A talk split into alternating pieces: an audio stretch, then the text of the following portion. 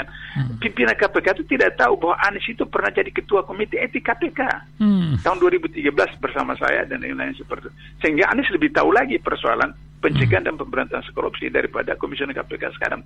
Dan Universitas Paramadina di mana beliau rektornya yang pertama universitas swasta di Indonesia yang melaksanakan pendidikan anti korupsi dua SKS kepada mahasiswanya. Hmm. Itu dia baru kemudian eh, ITB Universitas hmm. Negeri yang pertama hmm. 2006 melakukan seperti itu. Hmm. Jadi oleh karena itu maka saya katakan tidak pantas Komisioner KPK bicara tentang integritas sehingga saya katakan dalam artikel saya itu setelah Firly mungkin satu dua tiga orang lagi komisioner akan diproses eh, karena tidak mungkin mereka tidak tahu seperti itu paling tidak dalam dalam bahasa hukum pidana itu ada yang membantu ada yang berserta dan seterusnya hmm. seperti itu.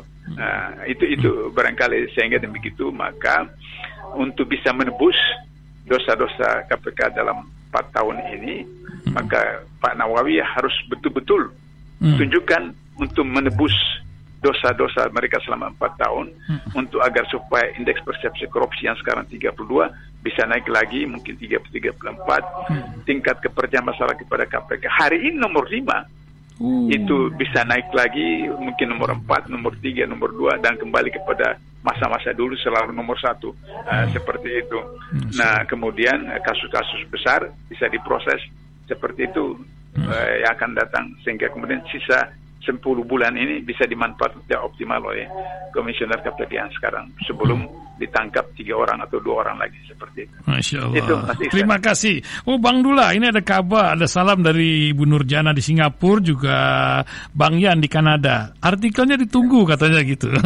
Pendengar okay, kita, okay. ya itu. Okay, uh, terima kasih Bang, Bang Dula Baik. pagi ini yeah. telah menemani kita yeah. di bulan Rajab yang luar biasa ini.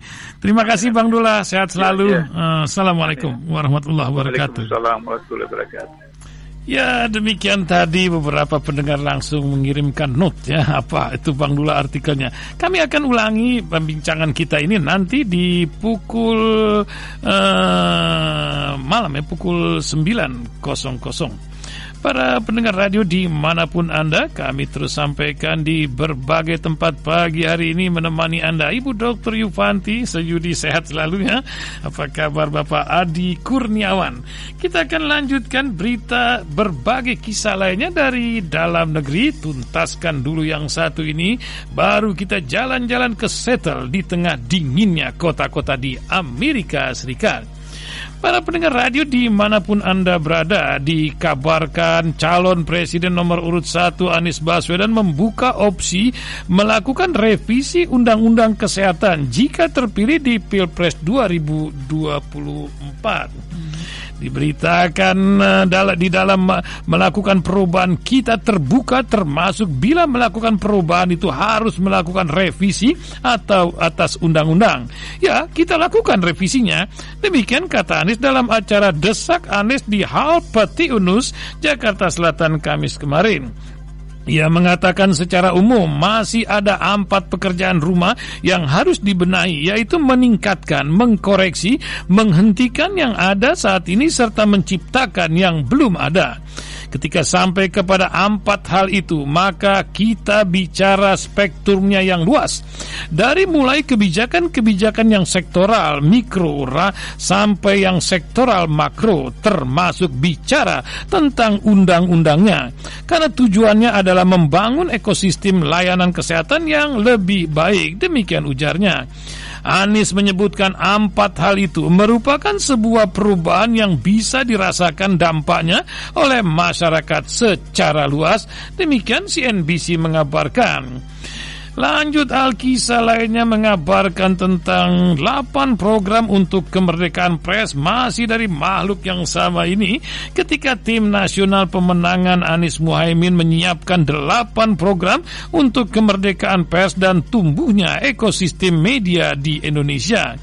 Program itu bertujuan untuk menyediakan pers dan media sebagai tulang punggung demokrasi.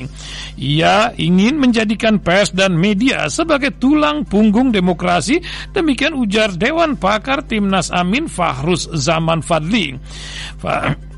Farus menjelaskan delapan program itu yaitu merevisi berbagai aturan yang menghambat kebebasan pers dan sipil. Kedua, memfasilitasi tumbuhnya ekosistem industri pers nasional yang sehat dan kuat, serta mampu bersaing dengan media asing berbasis teknologi melalui dukungan kebijakan dan pendekatan fiskal. Ketiga, meni menindak tegas kasus intimidasi dan kekerasan terhadap insan pers. Yang keempat, mendukung regulasi terkait dengan kompensasi yang adil demi ekosistem pers yang sehat. Dan kelima menjamin akses pers terhadap data, informasi dan dokumen publik milik pemerintah karena memberikan kebebasan berserikat bagi seluruh insan pers dan ketujuh menempatkan pers sebagai mitra strategis pemerintah dan mengedukasi publik serta mengawal demokrasi. Dan kedelapan mempelopori keterbukaan pemerintah terhadap kritik pers dimulai dengan contoh dari pemerintah tingkat tertinggi Pasangan Anies Baswedan Muhammad Iskandar mengusung visi, misi, dan program kerja dengan tema besar Indonesia Adil Makmur untuk semua. Demikian Tempo memberitakan. Berita-berita terus bergulir pagi hari ini berbagi kisah lainnya ketika Prabowo menyebut separatis dan teroris warga Papua di debat pertama. Senator Filipe, pendekatan dialogis Anies mengesankan, masih dari KB Anus memberitakan. Pernyataan Capres nomor urut 2 Prabowo Subianto saat debat Capres perdana pada 12 Desember lalu yang menyebutkan ger gerakan separatis dan teroris menyerang warga Papua sendiri mendapat respon warga asli Papua. Pelanggaran HAM yang selama ini terjadi di Papua kian menyakitkan ditambah sebutan teroris itu. Makanya kami tidak menghendaki Indonesia dipimpin seorang bekas militer, demikian tegas Senator Papua Barat Fili Wafapna. Filipe yang berada di Manokwari, ibu kota Papua Barat, menambahkan rakyat Papua menginginkan Indonesia kelak dipimpin oleh sipil. Ada Pak Anies, Anies Baswedan, ada Pak Ganjar, Ganjar Pranowo, dan dari debat capres pertama yang saya pribadi dan umumnya orang Papua terkesan dengan pernyataan Pak Anies bahwa penyelesaian konflik di Papua akan dilakukan dalam pemerintahannya kelak lewat pendekatan dialogis, bukan militer militer. Demikian kata Philip. Adapun sebutan teroris dinyatakan Prabowo dalam sesi pertama debat Capres Prabowo yang mendapat giliran pertama untuk menyampaikan gagasannya menyatakan tidak gampang menyelesaikan konflik di Papua. Masalah Papua adalah rumit karena di situ terjadi suatu gerakan separatis dan gerakan separatis ini kita sudah ikuti cukup lama. Demikian Prabowo. Menurutnya, kelompok teroris bersenjata Papua bahkan sering menyerang warga Papua sendiri, termasuk orang tua, perempuan, dan anak kecil. Karenanya, jika terpilih sebagai Presiden RI, Prabowo mengklaim akan melindungi rakyat Papua di antaranya dengan memperkuat aparat keamanan. Sementara itu Philip menekankan sebutan teroris oleh Prabowo identik dengan stigmatisasi bahwa semua warga Papua adalah teroris alias separatis. Demikian dikatakan beliau baru-baru ini. Para pendengar radio di mana pun terus kami kabarkan berbagai berita lainnya menemani Anda. Asrul Sani dilantik menjadi Hakim Mahkamah Konstitusi menjadi berita lain pagi ini. Pada Kamis kemarin, Asrul Sani secara resmi dilantik sebagai hakim Mahkamah Konstitusi membawa harapan baru untuk memperkuat independensi dan memulihkan kepercayaan publik terhadap lembaga peradilan tersebut. Dalam konferensi pers usai pelantikan, Asrul Sani memberikan penekanan khusus pada tantangan terkait dengan independensi. Mahkamah Konstitusi sehingga mantan anggota Komisi 3 DPR yang aktif mengikuti berbagai kasus di berbagai lembaga pemerintah termasuk Polri yang menyadari pentingnya menjaga integritas lembaga peradilan. Demikian dikatakan baru-baru ini. Para pendengar radio di mana pun Anda berada sementara Bloomberg mengadakan survei yang baru-baru ini disampaikan dalam uh, kantor berita yang satu ini dari bisnis.com. Ekonom ternama memberikan dukungan penuh kepada mantan Gubernur DKI sekaligus Capres nomor urut 1 Anies menggantikan Joko Widodo sebagai Presiden RI.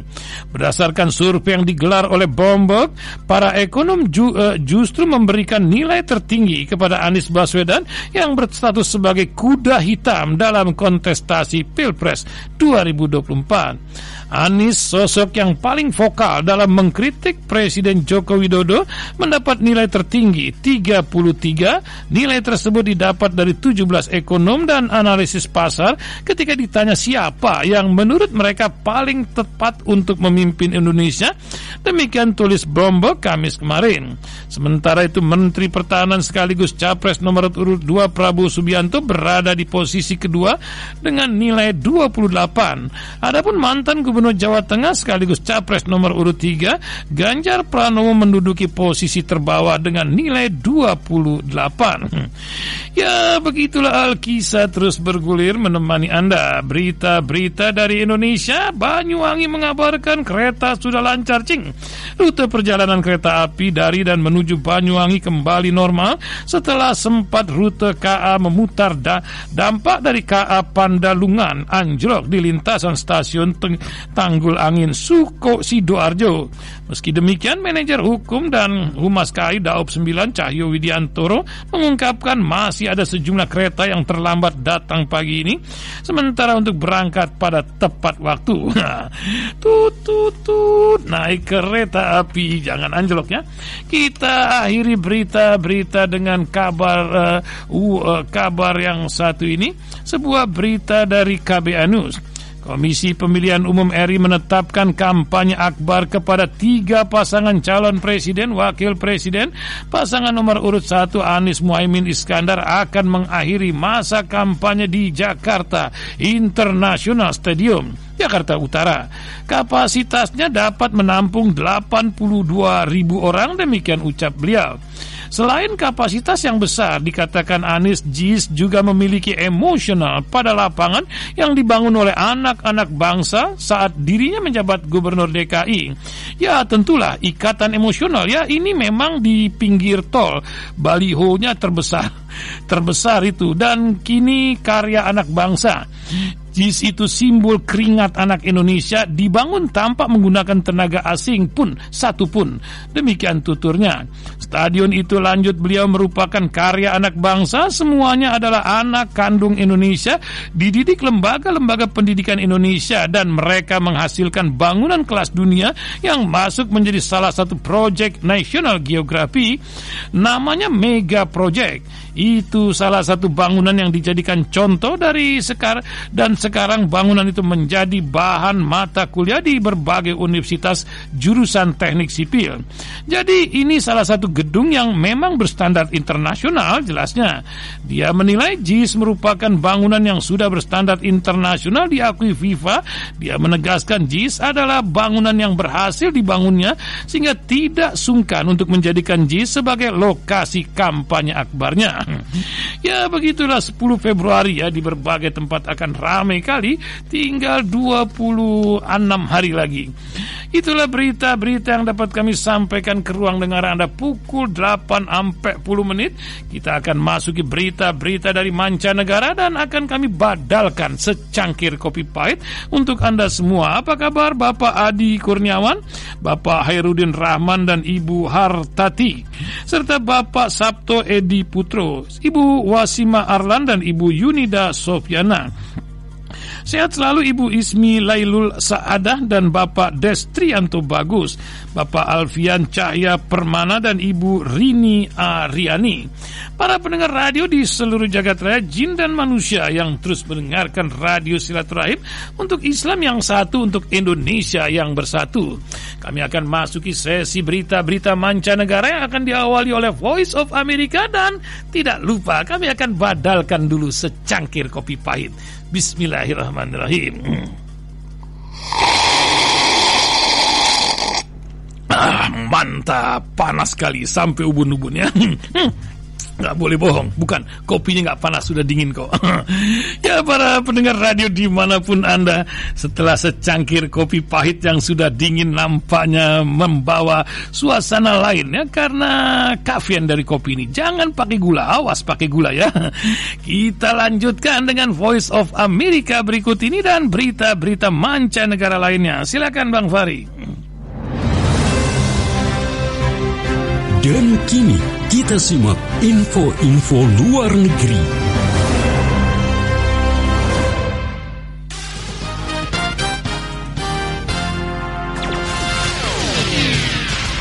Inilah VOA Headline News saya Rifan Astono.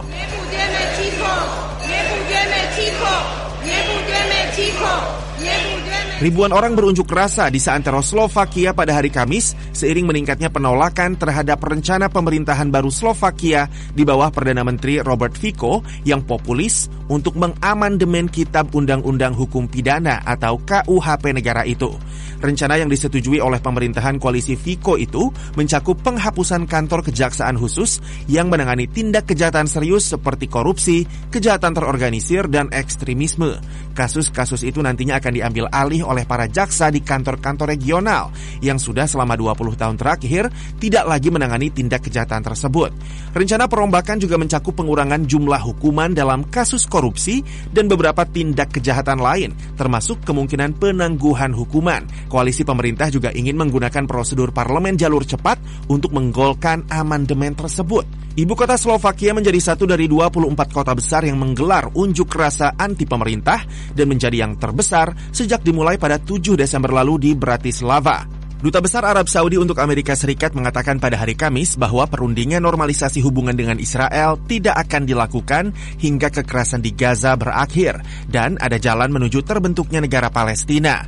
Pernyataan itu disampaikan Putri Rema Bandar Al Saud di Forum Ekonomi Dunia atau WEF di Davos setelah Presiden Israel Isaac Herzog mengatakan bahwa normalisasi hubungan Israel dan Arab Saudi akan menjadi elemen penting untuk mengakhiri perangnya melawan Hamas. The kingdom has been quite clear. While there is violence on the ground and the killing persists. Ketika ditanya oleh pembawa berita CNN Becky Anderson mengenai normalisasi dengan Israel dalam sesi diskusi panel, Putri Rema Bandar Al Saud mengatakan sikap kerajaan sudah cukup jelas. Selama kekerasan di lapangan dan pembunuhan masih terus terjadi, kami tidak dapat membicarakan apa yang terjadi pada hari berikutnya atau hari setelah itu karena kami harus menyelesaikan apa yang terjadi saat ini. Kementerian Kesehatan Hamas mengatakan lebih dari 24.400 400 warga Palestina tewas akibat kekerasan di Gaza. Putri Al Saud juga menyerukan gencatan senjata di Gaza. Ini tidak boleh terjadi lagi, ujarnya. Kerajaan mengutuk kekerasan di kedua pihak. Kami tidak memaafkan kekerasan terhadap warga sipil dalam kapasitas apa pun. Perdana Menteri Israel Benjamin Netanyahu pada hari Kamis mengatakan kepada Amerika Serikat dalam sebuah konferensi pers bahwa ia merasa keberatan terhadap pembentukan negara Palestina yang tidak menjamin keamanan Israel. Ia menambahkan bahwa ketiadaan pembentukan negara Palestina juga tidak menghalangi kesepakatan normalisasi hubungan dengan negara-negara Arab beberapa tahun lalu. Ia pun masih berniat mengundang lebih banyak negara untuk bergabung ke dalam kesepakatan itu. Israel dan pendukung utamanya, Amerika Serikat, tampak sedang berselisih. Netanyahu dan pemerintahan koalisi sayap kanannya menolak pembentukan negara Palestina, sementara Washington tetap menjunjung solusi dua negara sebagai jalan keluar terbaik untuk menciptakan perdamaian di kawasan tersebut. Perundingan yang dimediasi Amerika Serikat mengenai pembentukan negara Palestina di wilayah yang saat ini diduduki Israel gagal hampir satu dekade lalu. Polisi gagal menangani penembakan massal di sebuah sekolah dasar di kota Uvalde, Texas yang menewaskan 19 murid dan dua guru pada tahun 2022. Demikian kesimpulan Departemen Kehakiman Amerika Serikat pada hari Kamis sambil mengatakan bahwa para korban berhak mendapat perlindungan yang lebih baik dari polisi. Laporan tersebut menyalahkan aparat penegak hukum karena menunggu lebih dari satu jam untuk mendobrak ruang kelas tempat pelaku penembakan yang berusia 18 tahun bersembunyi bersama 33 murid dan 3 guru meski telah menerima telepon permintaan tolong dari para pelajar di dalam ruangan tersebut. Our children deserve better than to grow up Para korban dan penyintas penembakan massal di sekolah dasar Rob berhak mendapat perlindungan yang lebih baik, kata Jaksa Agung Merrick Garland dalam konferensi pers di Uvalde, sambil menambahkan bahwa langkah yang diambil aparat kepolisian untuk menangani penembakan massal itu merupakan sebuah kegagalan yang seharusnya tidak terjadi. Laporan itu juga menemukan bahwa sejumlah aparat yang pertama kali tiba di lokasi sempat mencoba mendobrak ruang kelas itu. Namun begitu menghadapi tembakan dari pelaku, aparat lantas menerapkan skenario subjek yang membarikade diri, bukan skenario penembakan aktif atau active shooting yang masih berlangsung. Demikian VOA Headline News.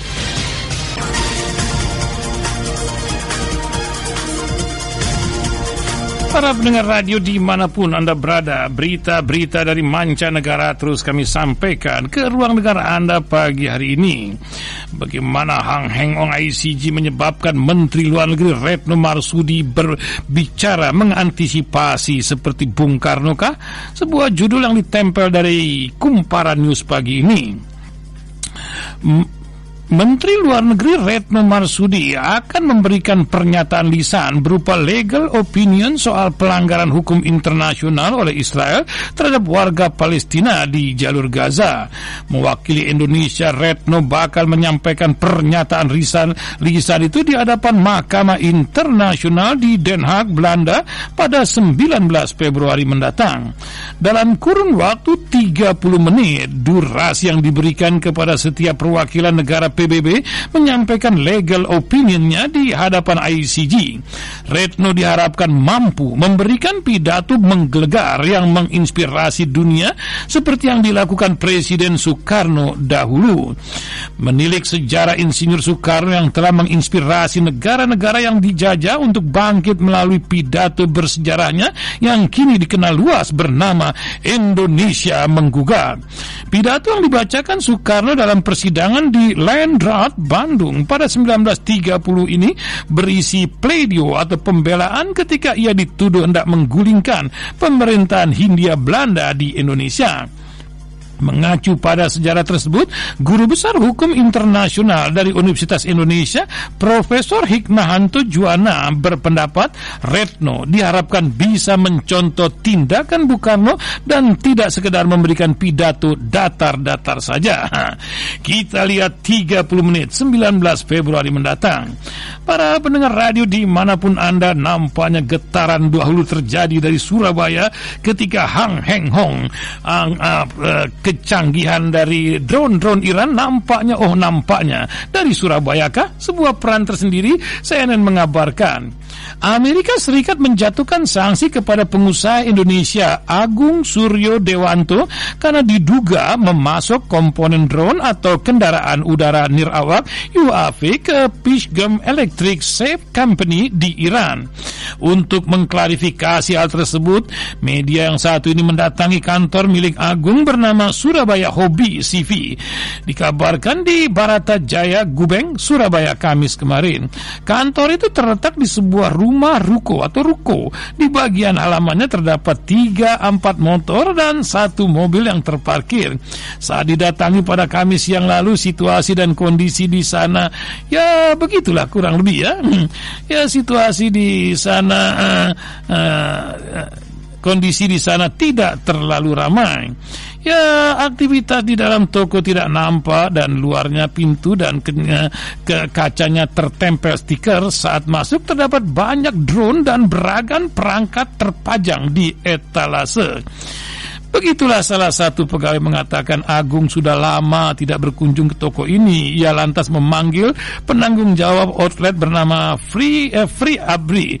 Dulu awalnya memang yang buat ini Pak Agung, tapi habis itu karena sudah lama nggak ke sini, aku yang megang operasi usahanya. Kata Free yang juga mengaku sebagai kerabat Agung pada CNN Indonesia. Ya salam, banyak nih orang-orang model gini di Indonesia banyak ini canggih-canggih cing. ya begitulah Alkisah di balik ini kita akan lihat apa yang akan terjadi lagi. Para pendengar radio di mana pun rentetan berita-berita dari Mi'rat News Agency akan mengisi ruang dengar Anda sebelum pukul 9 tepat nanti kita akan hubungi dengan Bang Ustadz Muhammad Joban Kabar lain dari Mi'rat Agency militer Israel alami krisis parah, begitu judul yang ditempel dari media yang satu ini. Militer Israel dilaporkan selama agresinya di Gaza mengalami krisis yang parah. Kondisi itu dimulai pada akhir November 2023 dan dilaporkan bahwa ada dua perwira lagi pasukan Israel yang melarikan diri dari medan peperangan di Gaza bersama dengan unit mereka. Mereka melarikan diri dengan alasan tidak menerima bantuan militer setelah disergap oleh puluhan pejuang Palestina.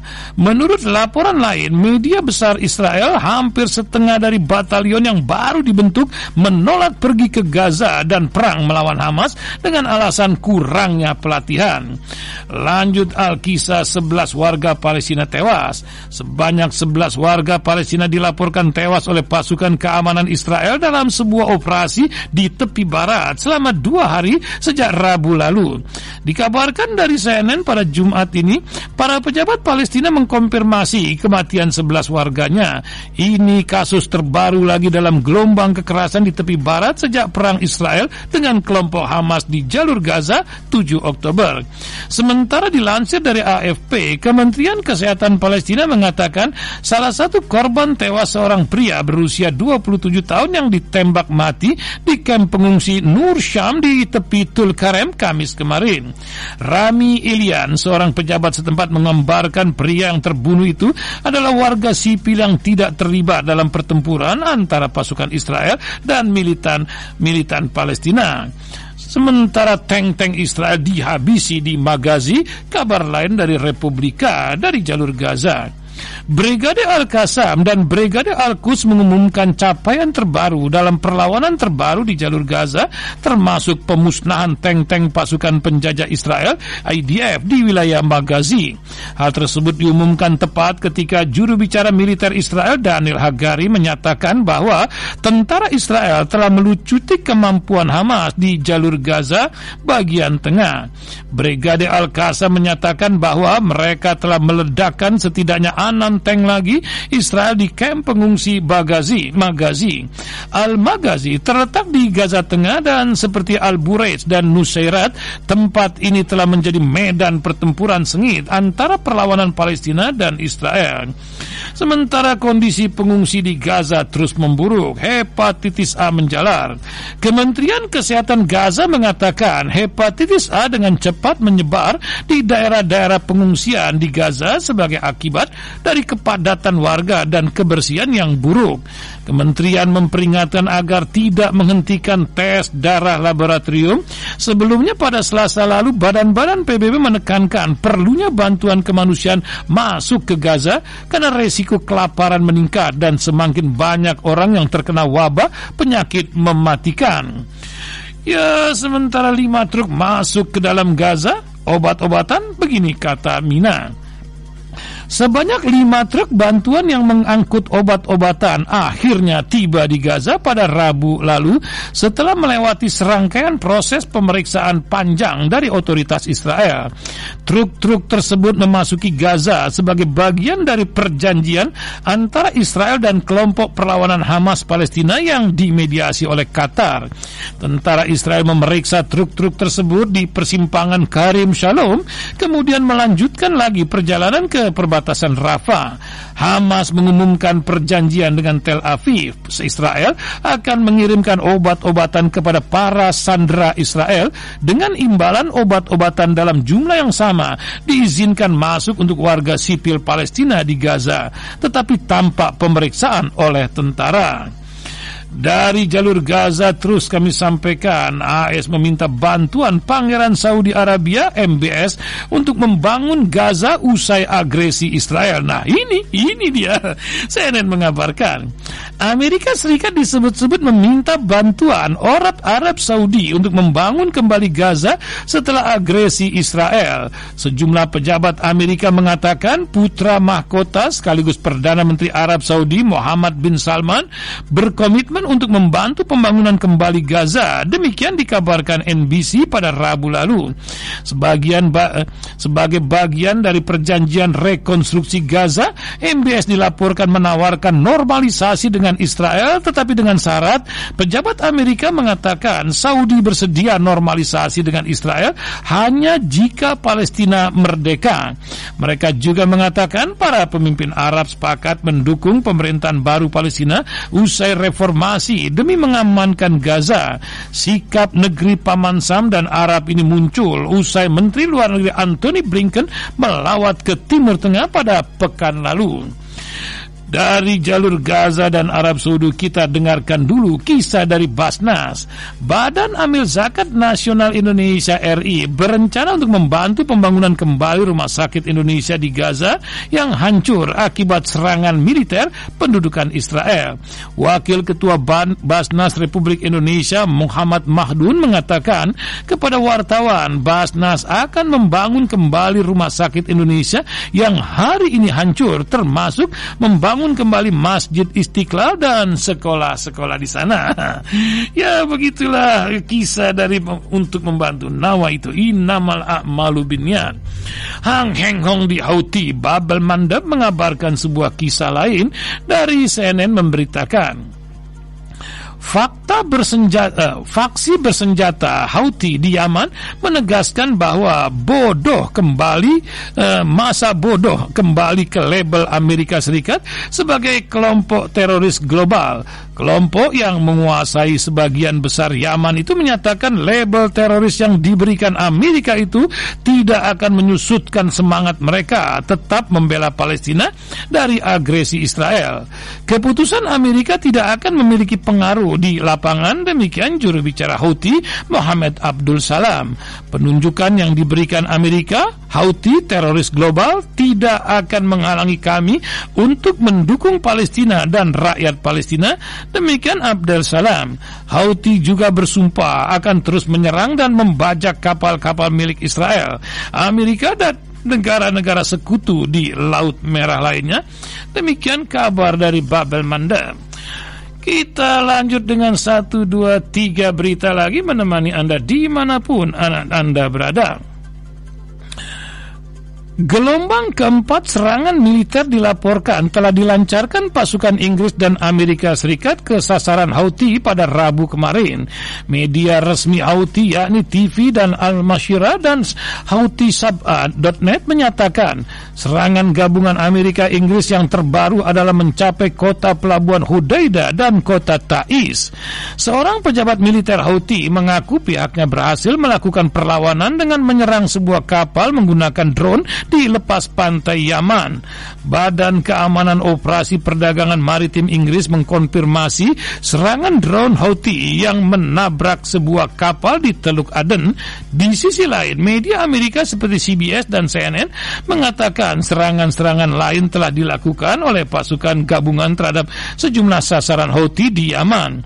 Namun tidak disebutkan jumlahnya. Pasukan militernya gabungan dibentuk oleh Amerika untuk merespon tindakan kejahatan yang dilakukan dilakukan Houthi terhadap kapal-kapal komersial barat yang melintasi di Laut Merah tersebut.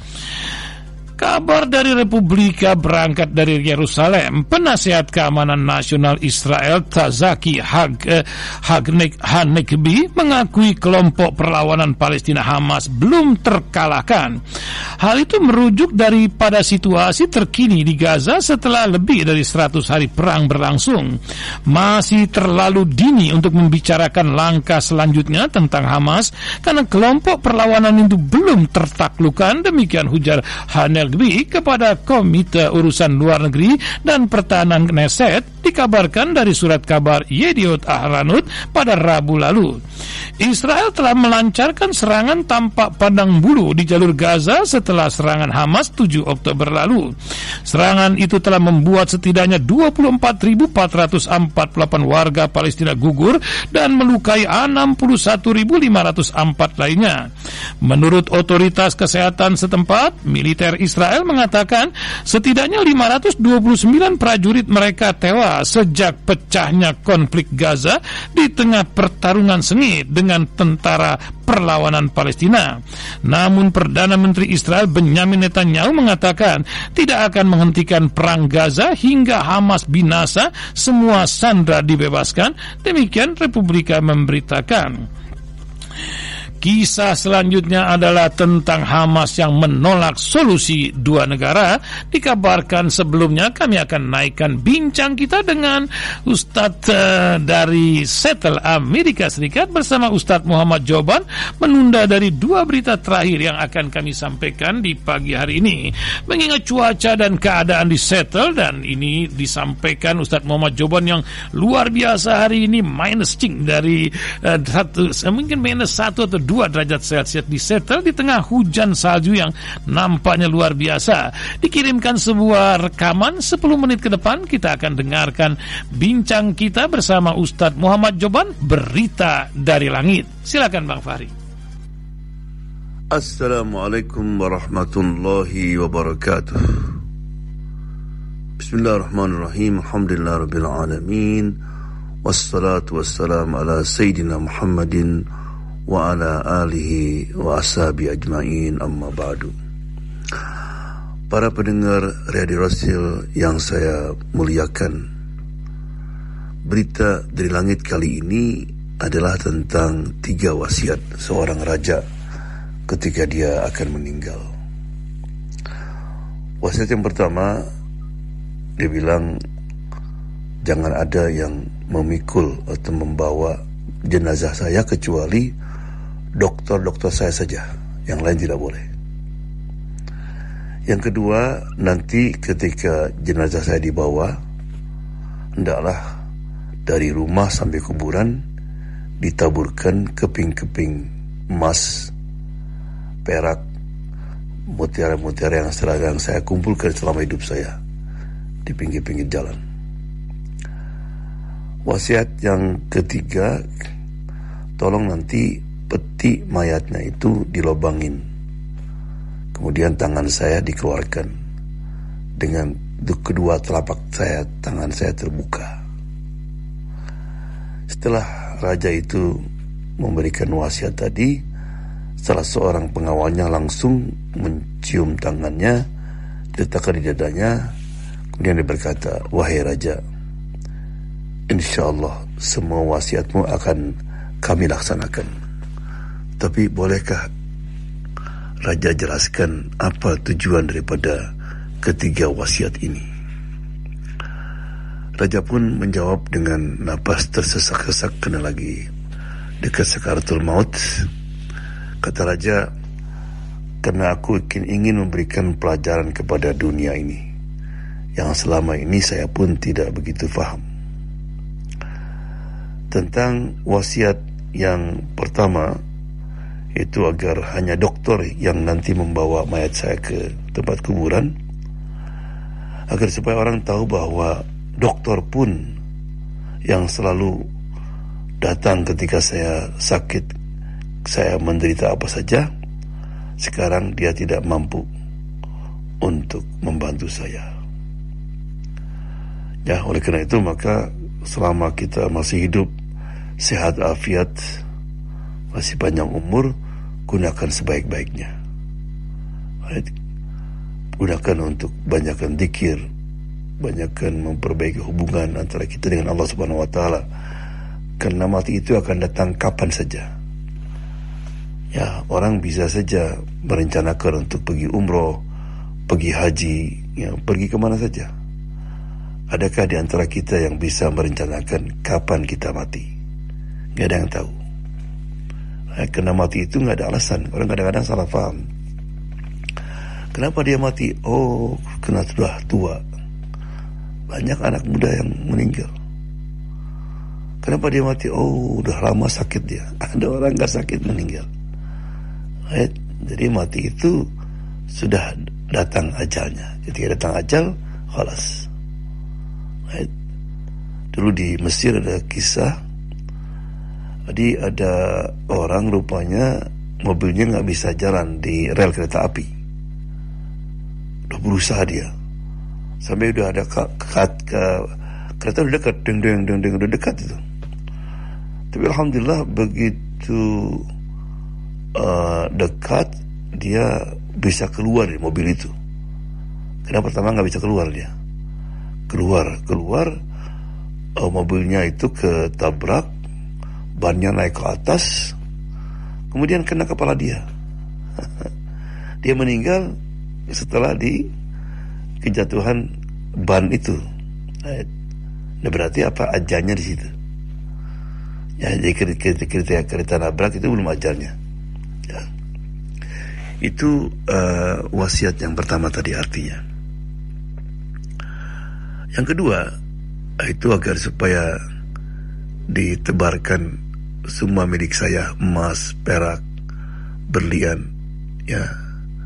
Di tengah jalan dari mulai tempat saya ke tempat kuburan agar supaya orang semua tahu bahwa apa yang kita kumpulkan ya kita capek kita kadang-kadang kita nipu kadang-kadang kita membohong kadang-kadang kita mendolimi orang semua harta itu tidak bisa dibawa right? yang bisa dibawa ke kuburan apa hanya amal soleh saja salat kita right? zakat kita muamalah kita kepada orang tua dan sebagainya itu yang akan kita bawa pernah dulu ada seorang ayah dia berwasiat kepada anaknya kalau dia meninggal agar supaya kaos kaki yang bolong itu dimasukkan ke kuburan dia, dipakaikan ke dipakaikan ke kaki dia. Jadi kan setelah dia meninggal, setelah dimandikan, mau dikafanin, anak itu bawa bawa sepasang pas kaki yang bolong. Kata ustadz yang mandikan nggak boleh. Orang kalau meninggal nggak boleh pakai pakaian biasa, harus kapan saja. Anaknya kekeh, nggak ini wasiat orang tua saya. Lagi ribut-ribut, datang itu lawyer ayahnya. Kata lawyernya atau advokatnya, sebentar sebentar. Dulu uh, ayahmu itu meninggalkan wasiat. Kita lihat wasiatnya apa coba. Dibuka, waktu dibuka ada tulisan. Apa kata ayah di dalam wasiat itu? Aku tahu sekarang kamu nanti lagi ribut. Bolehkah kos kaki bolong itu dibawa atau tidak? Jadi maksudnya nak lihat kaos kaki bolong aja nggak akan bisa dibawa, apalagi harta-harta yang lain. Ya Allah. Adapun tujuan wasiat yang ketiga yaitu agar supaya petinya dibolongin, tangan saya dikeluarkan, ya untuk menunjukkan bahwa kita ini ketika datang ke dunia dengan tangan hampa. Dan kita akan kembali juga demikian dengan tangan hampa. Allah. Right. Jadi itulah tiga hikmat daripada wasiat seorang raja itu. Ya, jadi marilah, mari kita sisa umur yang Allah berikan kepada kita kita akan sebaik-baiknya. Apalagi kita ini sekarang di, berada di bulan Rajab, right? Rajab ini adalah termasuk daripada bulan suci. Minha arbaatun hurum kata Allah dalam Quran. Siapa yang yang menunjuk ini berarti Allah Subhanahu wa taala. Berarti ada hal-hal yang mesti kita tingkatkan. Yang dimaksud dengan bulan suci artinya segala amal ibadah yang kita lakukan di bulan ini pahalanya dilipat gandakan. Right? Tapi hati-hati. Juga dosa juga siksaannya dilipat gandakan. Jadi marilah uh, kita gunakan yang pertama banyakkan tobat banyakkan baca istighfar astagfirullah astagfirullah right? Wa atubu ilaik. Ya. yang kedua ya teruskan kalau biasa puasa Senin Kemis. Right? untuk persiapan Ramadan nanti. Para sahabat dulu itu mempersiapkan Ramadan itu dari dari enam bulan sebelumnya. Right? uh, kemudian juga banyakkan sedekah karena sedekah juga itu bisa menghapus dosa. Right? Kemudian biasakan uh, salat malam, qiyamul lail, salat tahajud ya. ya. Mudah-mudahan karena bulan Rajab ini disebut juga bulan Al-Asom. Bulan yang tuli.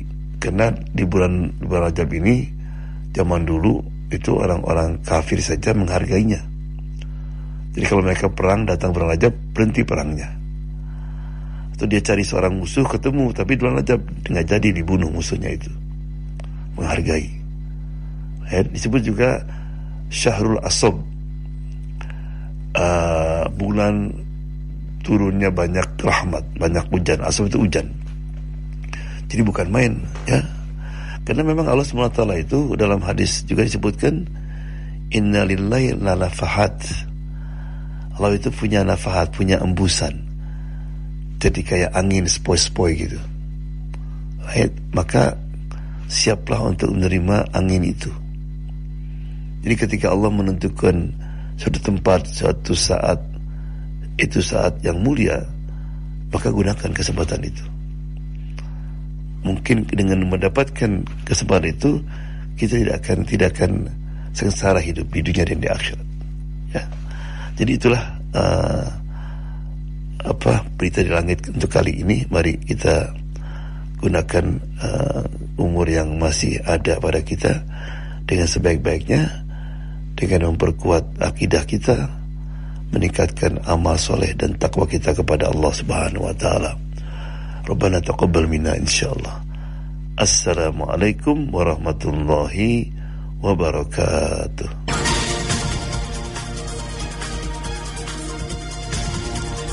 Waalaikumsalam warahmatullahi wabarakatuh.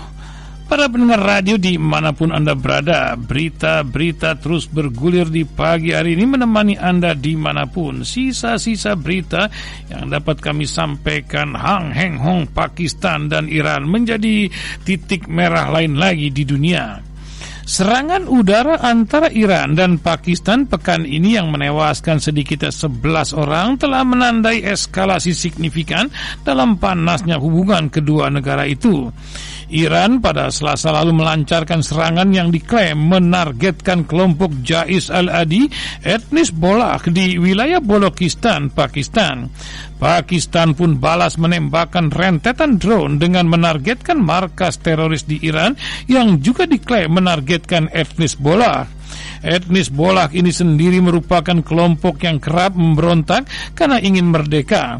Mereka menetap di wilayah Bolokistan yang terbagi di tiga negara bagian yakni Pakistan, Iran, dan Afghanistan.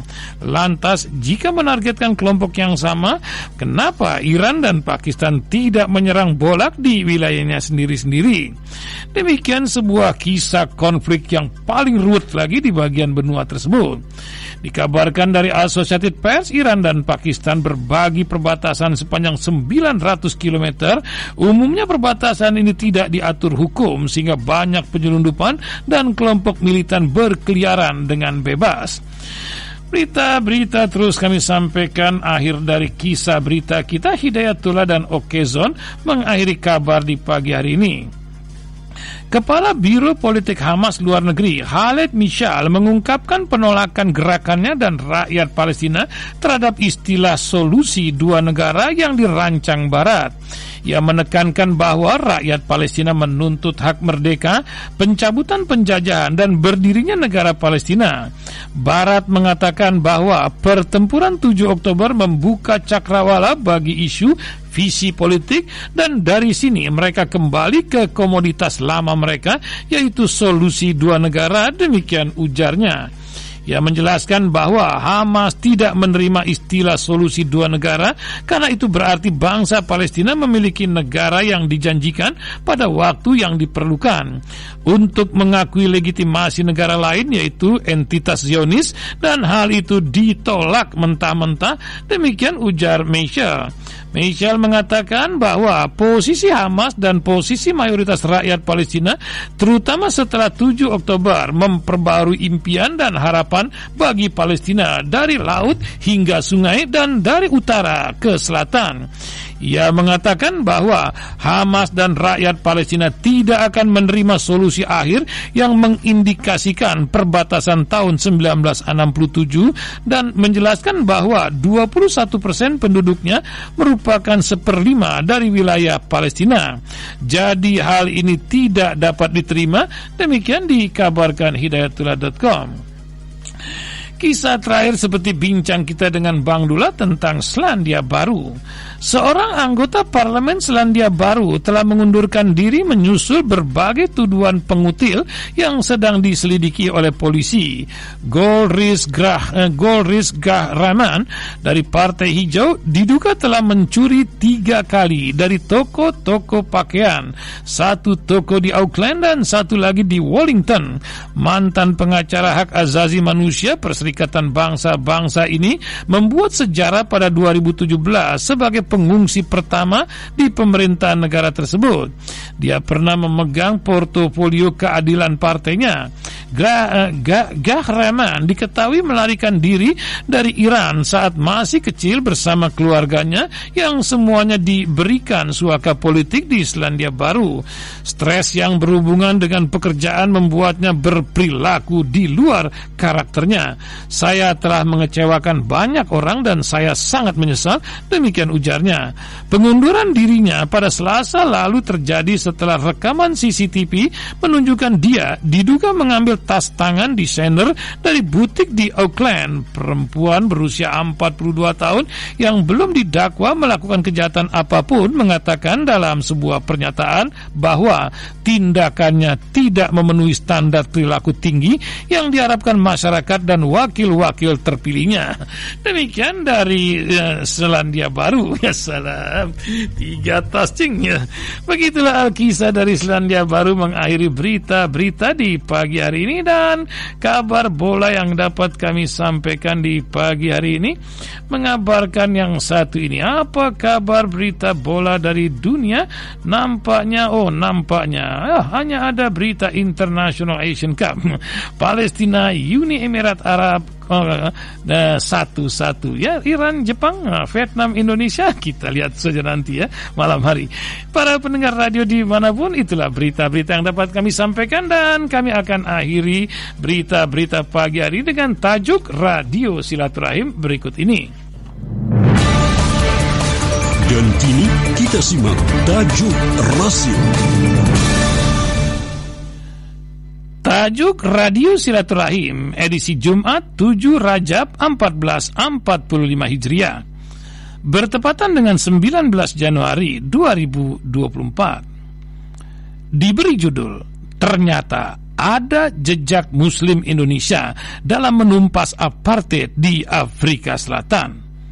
Sebuah artikel Republika di ujung benua Afrika, tepatnya di selatan negara Afrika Selatan, terletak pesisir Cape Town. Terdapat makam umat Islam pertama yang datang ke Cape Town.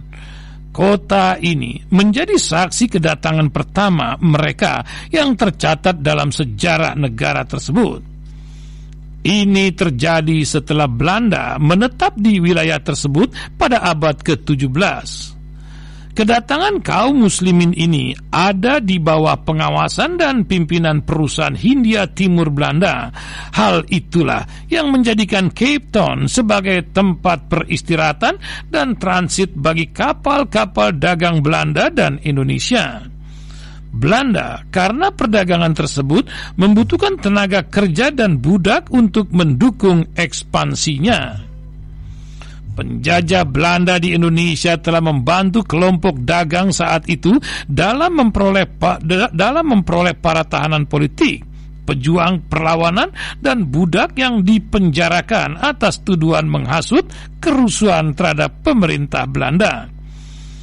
Ini didorong oleh putusan Mahkamah Agung di Batavia, kini Jakarta, yang menjatuhkan hukuman pengasingan dan deportasi kepada mereka karena itu pada abad ke-18 ada sebuah lingkungan di kaki Table Mountain atau Gunung Meja di Afrika Selatan yang ditinggali untuk pertama kalinya oleh orang-orang asal Indonesia. Malaysia dan orang Asia lainnya yang pernah menjadi budak Belanda.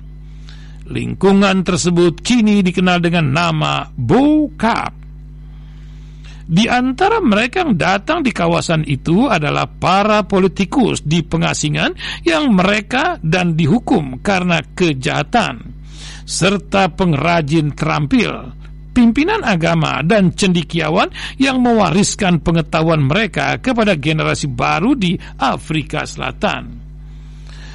Berbicara kepada Al Jazeera, sejarawan Afrika Selatan Syafiq Mortin mengatakan Muslim pertama yang tercatat dalam sejarah Afrika Selatan adalah Ibrahim Batavia yang datang sebagai tawanan dan tahanan politik.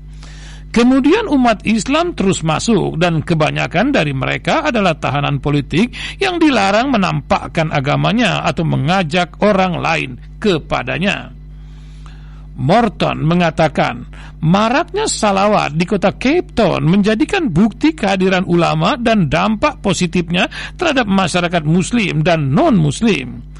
Maka mereka masih ada dan dirawat sebagai pengingat terhadap sejarah dan tonggak hidup mereka mantan wali kota Cape Town yang dan mantan duta besar Afrika Selatan untuk Amerika Serikat, Ibrahim Rasul mengatakan, dulu kelompok muslim yang dideportasi dari Indonesia ke Cape Town kemudian mendatangi Syekh Syed Mahmud pendiri tarekat sufi yang berasal dari keluarga terpandang di Indonesia sehingga tidak dipenjara tetapi diasingkan jauh dari kota di mata Belanda cukuplah mengasingkan Syed Mahmud dari kampung halamannya agar tidak mengancam pemerintah mereka di Indonesia. Namun Belanda tetap mengawasi Syed Mahmud dari sinilah bermula pertama kali munculnya komunitas Islam di Afrika Selatan. Komunitas Muslim di Afrika Selatan juga mendapatkan dampak yang positif setelah pemilu pertama yang benar-benar demokratis di Afrika Selatan dimenangkan Nelson Mandela. Umat Muslim di sana memperoleh hak-hak politik dan sosial mereka. Pengaruh mereka meluas lebih jauh ke dalam tatanan masyarakat sebagai penghargaan atas partisipasi dan pengorbanan mereka dalam perjuangan melawan pendudukan pada tahun 1960-an, 1970-an hingga 1980-an. Hal ini tercermin dari bobot relatif komponen Islam dalam pembentukan pemerintahan pertama setelah transisi demokrasi di Afrika Selatan pada tahun 1994. Saat itu, ada lebih dari empat menteri muslim dan sepuluh duta besar muslim yang mewakili Afrika Selatan di luar negeri. Beberapa undang-undang status khusus bagi umat Islam yang berasal dari hukum Islam juga telah disetujui. Umat Islam di Afrika Selatan telah memberikan kontribusi yang signifikan dalam membentuk tatanan masyarakat Muslim dan non-Muslim sejak awal masuknya Islam dan penyebarannya bahkan hingga tahap pemberantasan rezim pendudukan dan apartheid di Afrika Selatan. Direktur Yayasan Imam Harun Kasim Khan menyampaikan salah satu simbol masa perjuangan yang paling menonjol bersama dengan masyarakat lainnya adalah Imam Abdullah Harun. Ia lahir pada tahun 1924 di lingkungan selatan Cape Town Imam Harun melakukan perjalanan ke Mekah untuk menerima ilmu-ilmu Islam. Ia dianggap sebagai salah satu simbol perjuangan Islam melawan rezim apartheid. Partisipasi umat Islam di Afrika Selatan dalam perjuangan melawan apartheid telah melampaui skalanya. Sebab Meski minoritas di Afrika Selatan, umat Muslim memberikan dampak yang begitu besar sehingga sampai saat ini tidak ditemukan tindakan diskriminasi maupun kekerasan terhadap umat Islam di Afrika Selatan. Ini karena rasa hormat dan penghargaan atas jasa mereka dan juga karena keluhuran akhlak yang mereka tampilkan. Wallahu a'lam bissawab.